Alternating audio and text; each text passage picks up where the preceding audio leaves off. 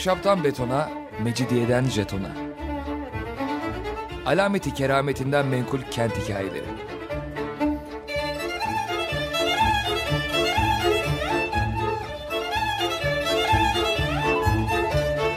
Hazırlayan ve sunan Pınar Erkan.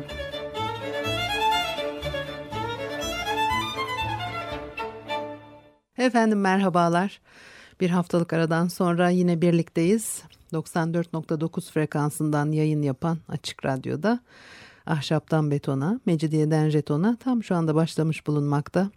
Anlatıcınız ben Pınar Erkan. Elektronik posta adresim pinarerkan.yahoo.co.uk Bakalım bugün programımızda neler var? 19. yüzyılın başlarında e, nüfusu 100 bini geçen kent pek yoktu. Avrupa'da da. Sonra e, sanayisi gelişen kentlerde müthiş nüfus artışları görüldü.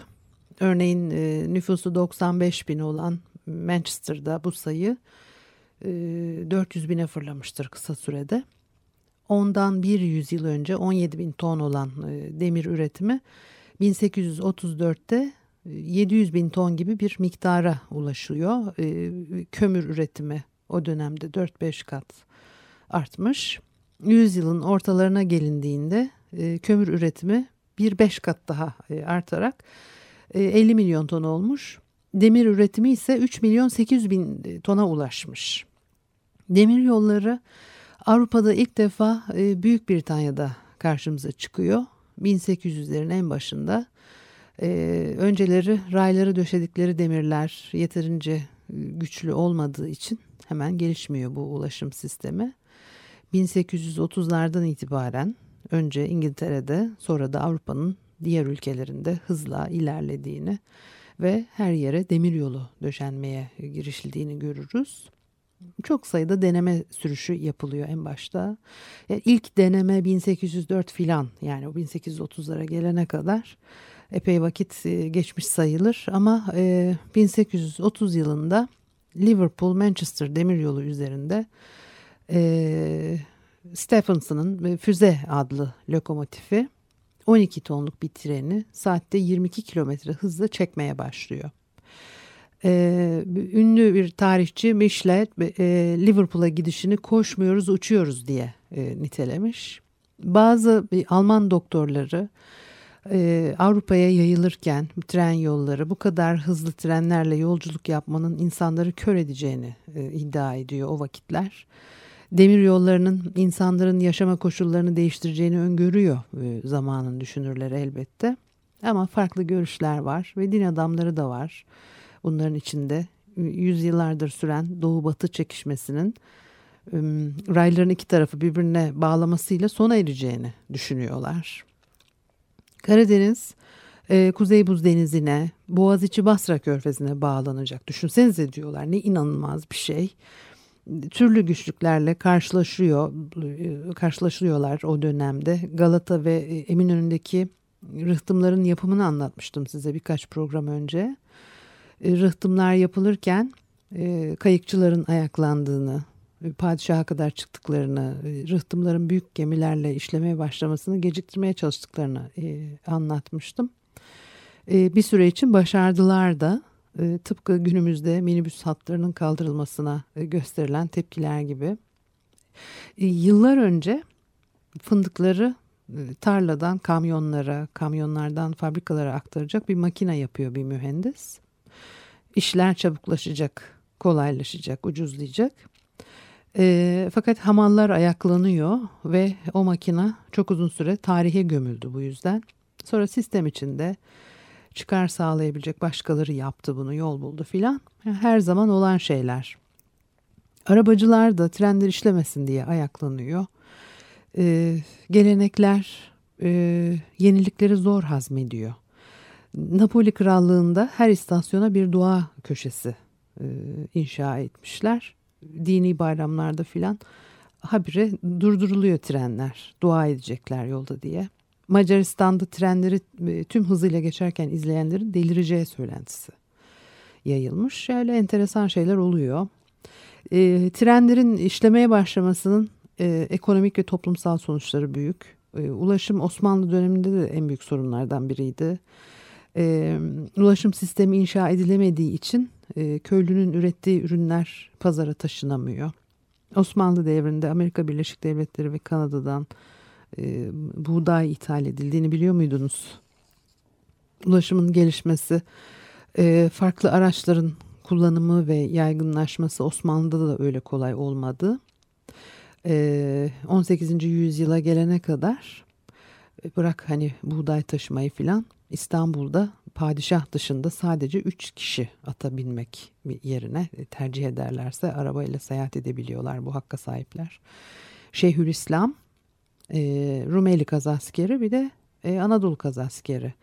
17. yüzyılın e, başlarına kadar e, bir memur ricalden sayılmıyorsa ata da binemiyor. 16. yüzyılın önemli divan ve mesnevi şairi Hakani Mehmet Bey artık 70 yaşına girmiş. Babali'den evinin bulunduğu Edirne kapıya her gün yürümek artık zor gelmeye başladığı için ata binmek için izin istemiş. Şairin hatırı içinde olsa devlet nizamı yine bozulmamış. Hükümet şaire at tahsis edeceğine e, Babali yakınlarında bir ev hediye etmiş. E, İstanbul'da halk bir yerden bir yere yürüyerek gidiyor. Mevki sahibi veya varlıklı olanlar ata biniyor. E, saray kadınları ise bir yerden bir yere giderken araba kullanıyorlar. Arabanın e, kadın, çocuk ve hastaların kullanacağı bir araç olarak e, kabulü o kadar yaygın ki Kanuni Sultan Süleyman Nemse seferine çıktığında uzun menzilde koçu ile yol alıyor ama sonra kent ve kasabalardan geçerken ata geçiyormuş. Lale devrine gelindiğinde e, arabalar kibar ve yönetici aileleri tarafından mesire yerlerine gitmek için e, kullanılmaya başlanıyor. E, arabaların binek aracı olarak kullanımının yaygınlaşması hele hele bir, bir toplu taşıma aracı haline gelmesi 19. yüzyılda zaten e, kentin atlı bile olsa artan bir e, araba trafiğini mümkün kılacak altyapısı da yok. E, kaldırım ve araçların geçebileceği şekilde yolların düzenlenmesi belediye hizmetleriyle birlikte 19. yüzyılın ikinci yarısında e, başladı. O zamana kadar atların çektiği bir araba kullanım da sınırlı kalmıştır. E, demiryolu çok daha sonra. Tanzimat döneminde başta Abdülmecit olmak üzere bütün devlet adamları demir yollarına özel bir anlam vermişlerdi. Mustafa Reşit Paşa, Ali Paşa ve Fuat Paşaların gözünde e, demir yolları batılı açıl, e, batıya açılan pencereydi ve e, medeniyet ışığı bu pencereden içeri girecekti.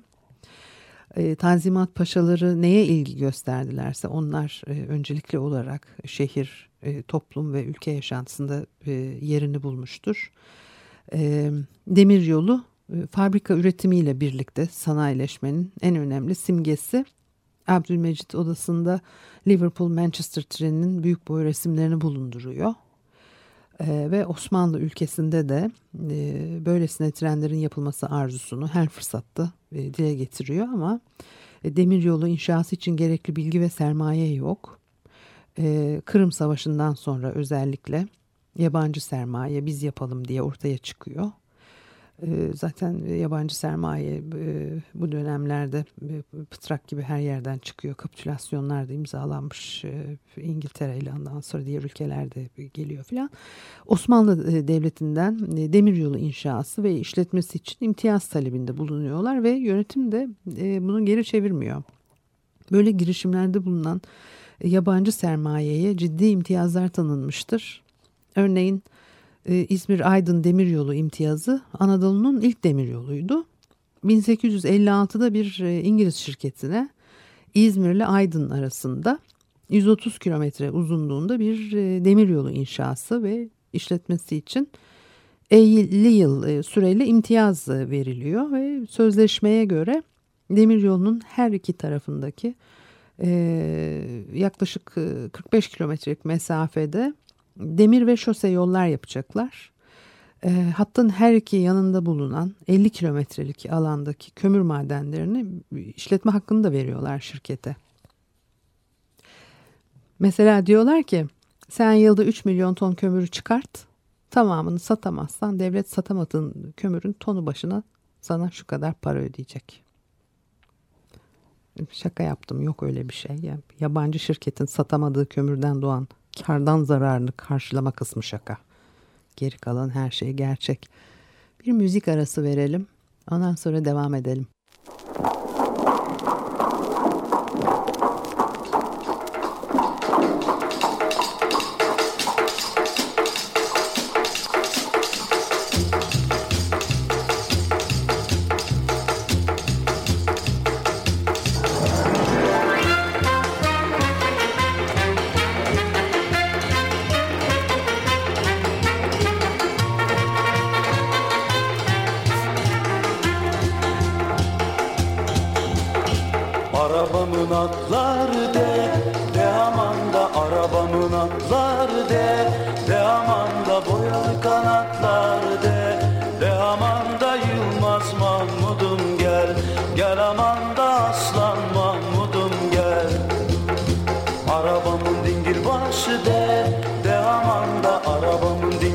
Başı de De aman da dolaşalım da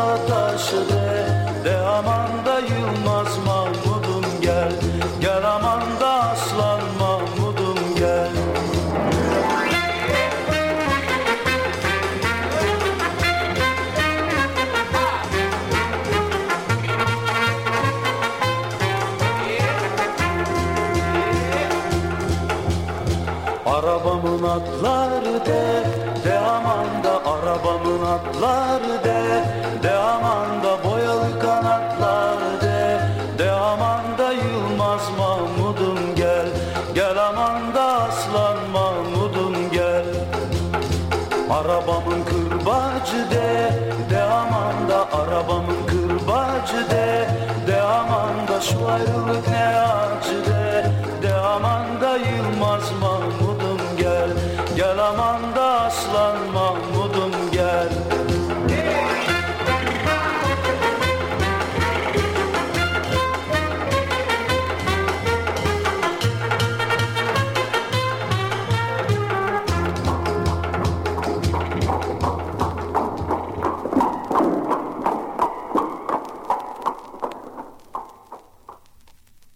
Efendim Açık Radyo'da Ahşaptan Betona, Mecidiyeden Jeton'a devam ediyor. Pınar Erkan'ı dinlemektesiniz.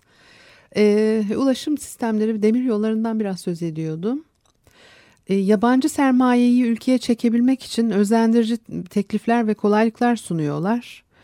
Ee, ondan yani halbuki e, adam da 16. 17. yüzyılda ilk şirketini Anadolu'dan gelecek ham maddeden yapacağı üretimi düşünerek e, kuruyor. E, bunları örneklerle anlattığım bir programımız da vardı yanlış hatırlamıyorsam.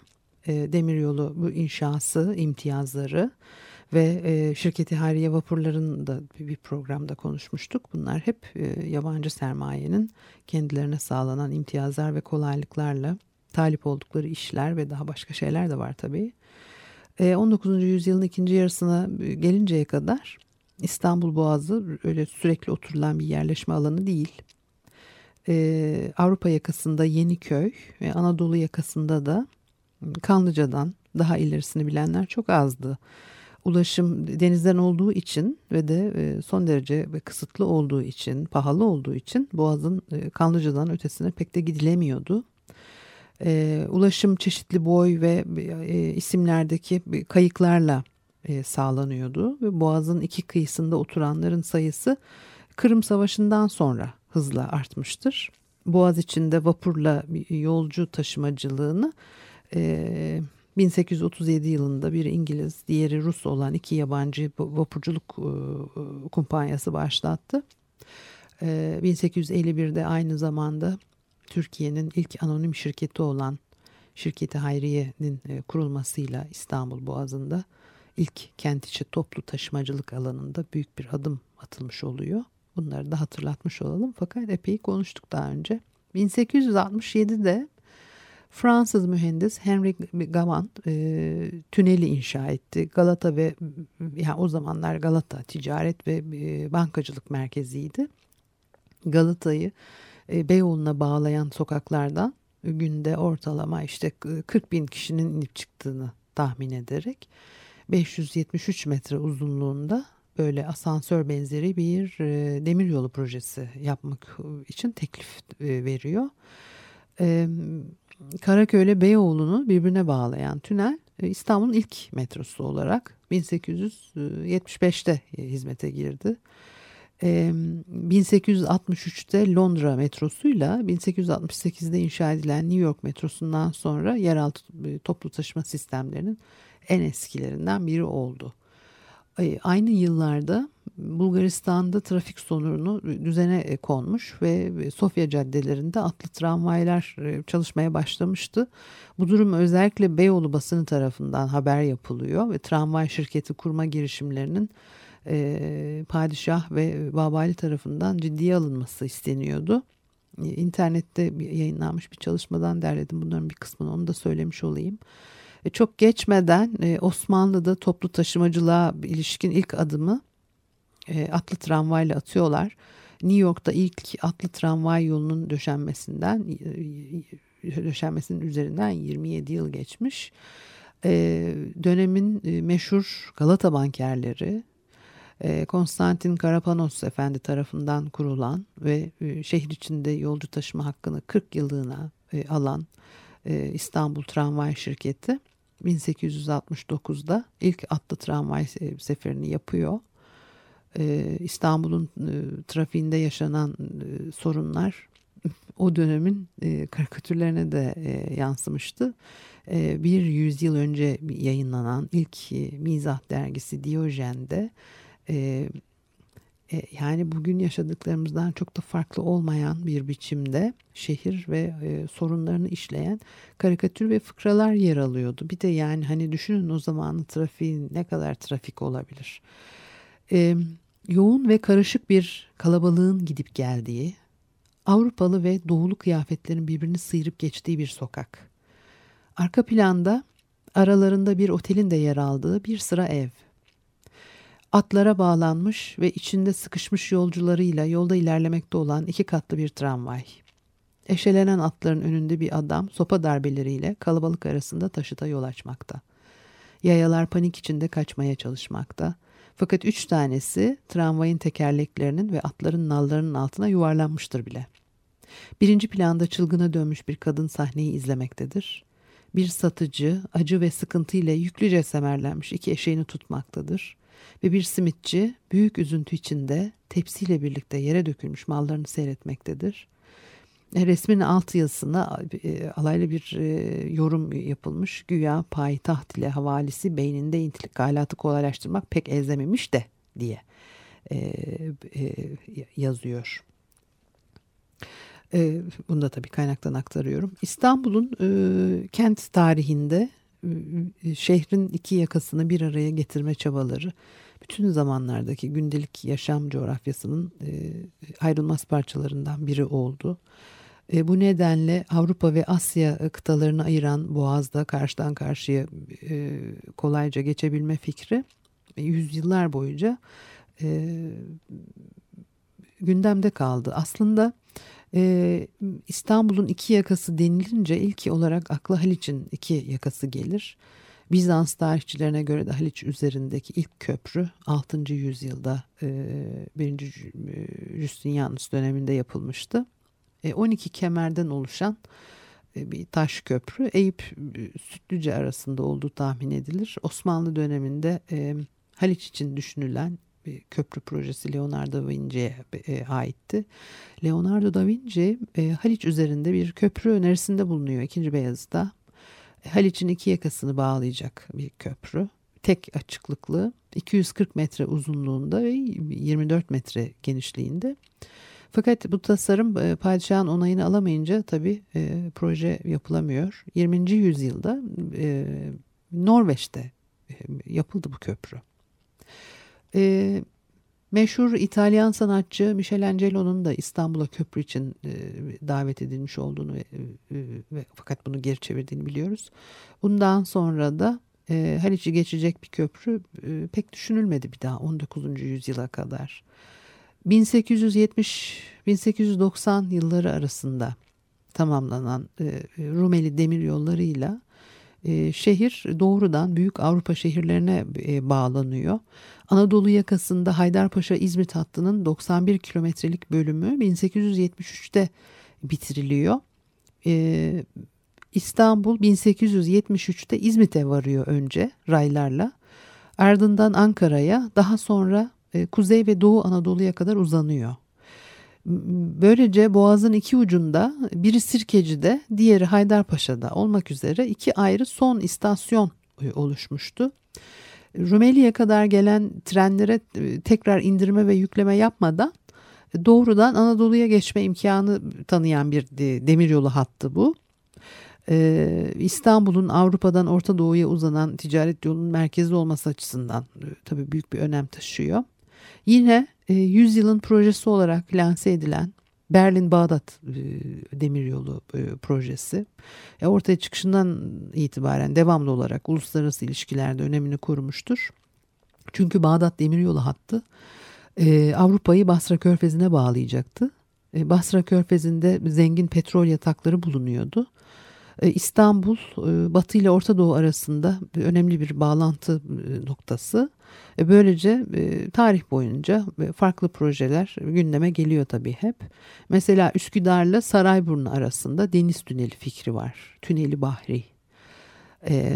sarayın projelerinden Sirkeci ve Haydarpaşa demiryolu istasyonlarının birleştirilmesi 19. yüzyıl sonlarında devlet yöneticilerinin aklında Asya ile Avrupa'yı e, boğaz altından birleşmeyi, birleştirmeyi e, hedefleyen bir e, proje ve ilk e, teklif e, Fransız mühendis e, Simon e, Perrot'tan gelmiş ve bu proje e, Sultan Abdülaziz dönemine ait sanılırdı. Ankara Devlet Arşivleri Genel Müdürlüğü Cumhuriyet Arşivlerinde e, proje eskizleri e, bulunmuştur. E, böylece Abdülaziz değil Sultan Abdülhamit döneminin eseri olduğu e, netleşti. Projenin toplam uzunluğu e, eskizde 3.1 kilometre ve tüp geçit 1900 metre deniz altında gidiyor. Projeye göre e, tıpkı bugünkü gibi bir tüp geçit boğazın altına döşenilecek. E, tüp e, boğazın altında e, ayaklar üstüne oturtulacak. 1891 yılında Denizaltı Çelik Tüneli adı altında sunulan bir proje, bir, bir tüp geçit ve burada işleyecek raylı sistem yine. E, tren Sirkeci'den girecek, Boğaz'ın altından geçip Üsküdar'dan karaya çıkacak. E, üç Amerikalı mühendis bundan sonra karşımıza çıkıyor. Frederick Storm, e, Lindman ve Hlicker tarafından yeni bir proje hazırlanıyor. 1902 yılında yine Abdülhamit'e sunuluyor bu. E, denize sabitlenmiş sütunların üzerinden geçirilen tüp geçit bu sefer e, yeni kapıyla haremi birbirine e, bağlayacak ve e, haremden Haydarpaşa'ya yine bir e, demir yoluyla Avrupa ile Anadolu demir yolları ağı birbirine bağlanıyor. E, Amerikalı mühendisler tünel Bahri'nin beratını alıyorlar. Tünelin içinde ikisi yolcu e, biri yük olmak üzere 3 vagonlu bir tren e, işletecekler ve e, transit sefer yapan trenlerinde geçiş sağlanacak filan. Yani zamanına göre bir devrim niteliğinde. Çünkü Avrupa'nın herhangi bir yerinden kalkan bir yük treninin Boğaz'ı aşıp Bağdat'a kadar gidebilmesi yani o e, İpek yolu gibi bir şey. E, bu projede sonuçlandırılamadı. E, Sonra 1900 yılında bir Fransız mühendis Arnaudi'nin projesi Kandilli Rumeli Hisar arasında yapılacak bir e, köprünün ayak bağlantıları böyle e, dört minareli cami şeklinde düşünülmüş. Ee, ve plan taslakları çıkarılmıştı. Belki bugünkü anlayışa daha uygun bir şey olabilir. Ve gösterişli bir proje. Abdülhamit de bunu beğeniyor. Ee, yaya araç trafiğinin de düzenlendiğini görüyoruz burada. E, bir demir yolu projesi olmasının e, yanı sıra kentsel bir tasarım da içeriyor bu. E, e, Bakırköy Bostancı istasyonlarını birleştiriyor. E, demir yoluyla İstanbul'un gelecek yıllarında e, yani bu e, bir tüp geçit işte hep var ama tabii o yıllarda bunların e, çıkarışıklıklar, savaşlar nedeniyle devamı getirilemiyor. Evet. Elektronik posta adresim pinarerkan.yahoo.co.uk Haftaya görüşene kadar hoşçakalınız.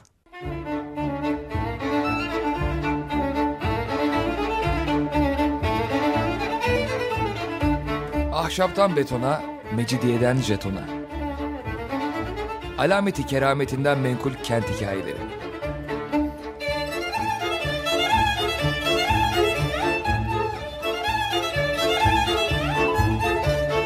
Hazırlayan ve sunan Pınar Erkan.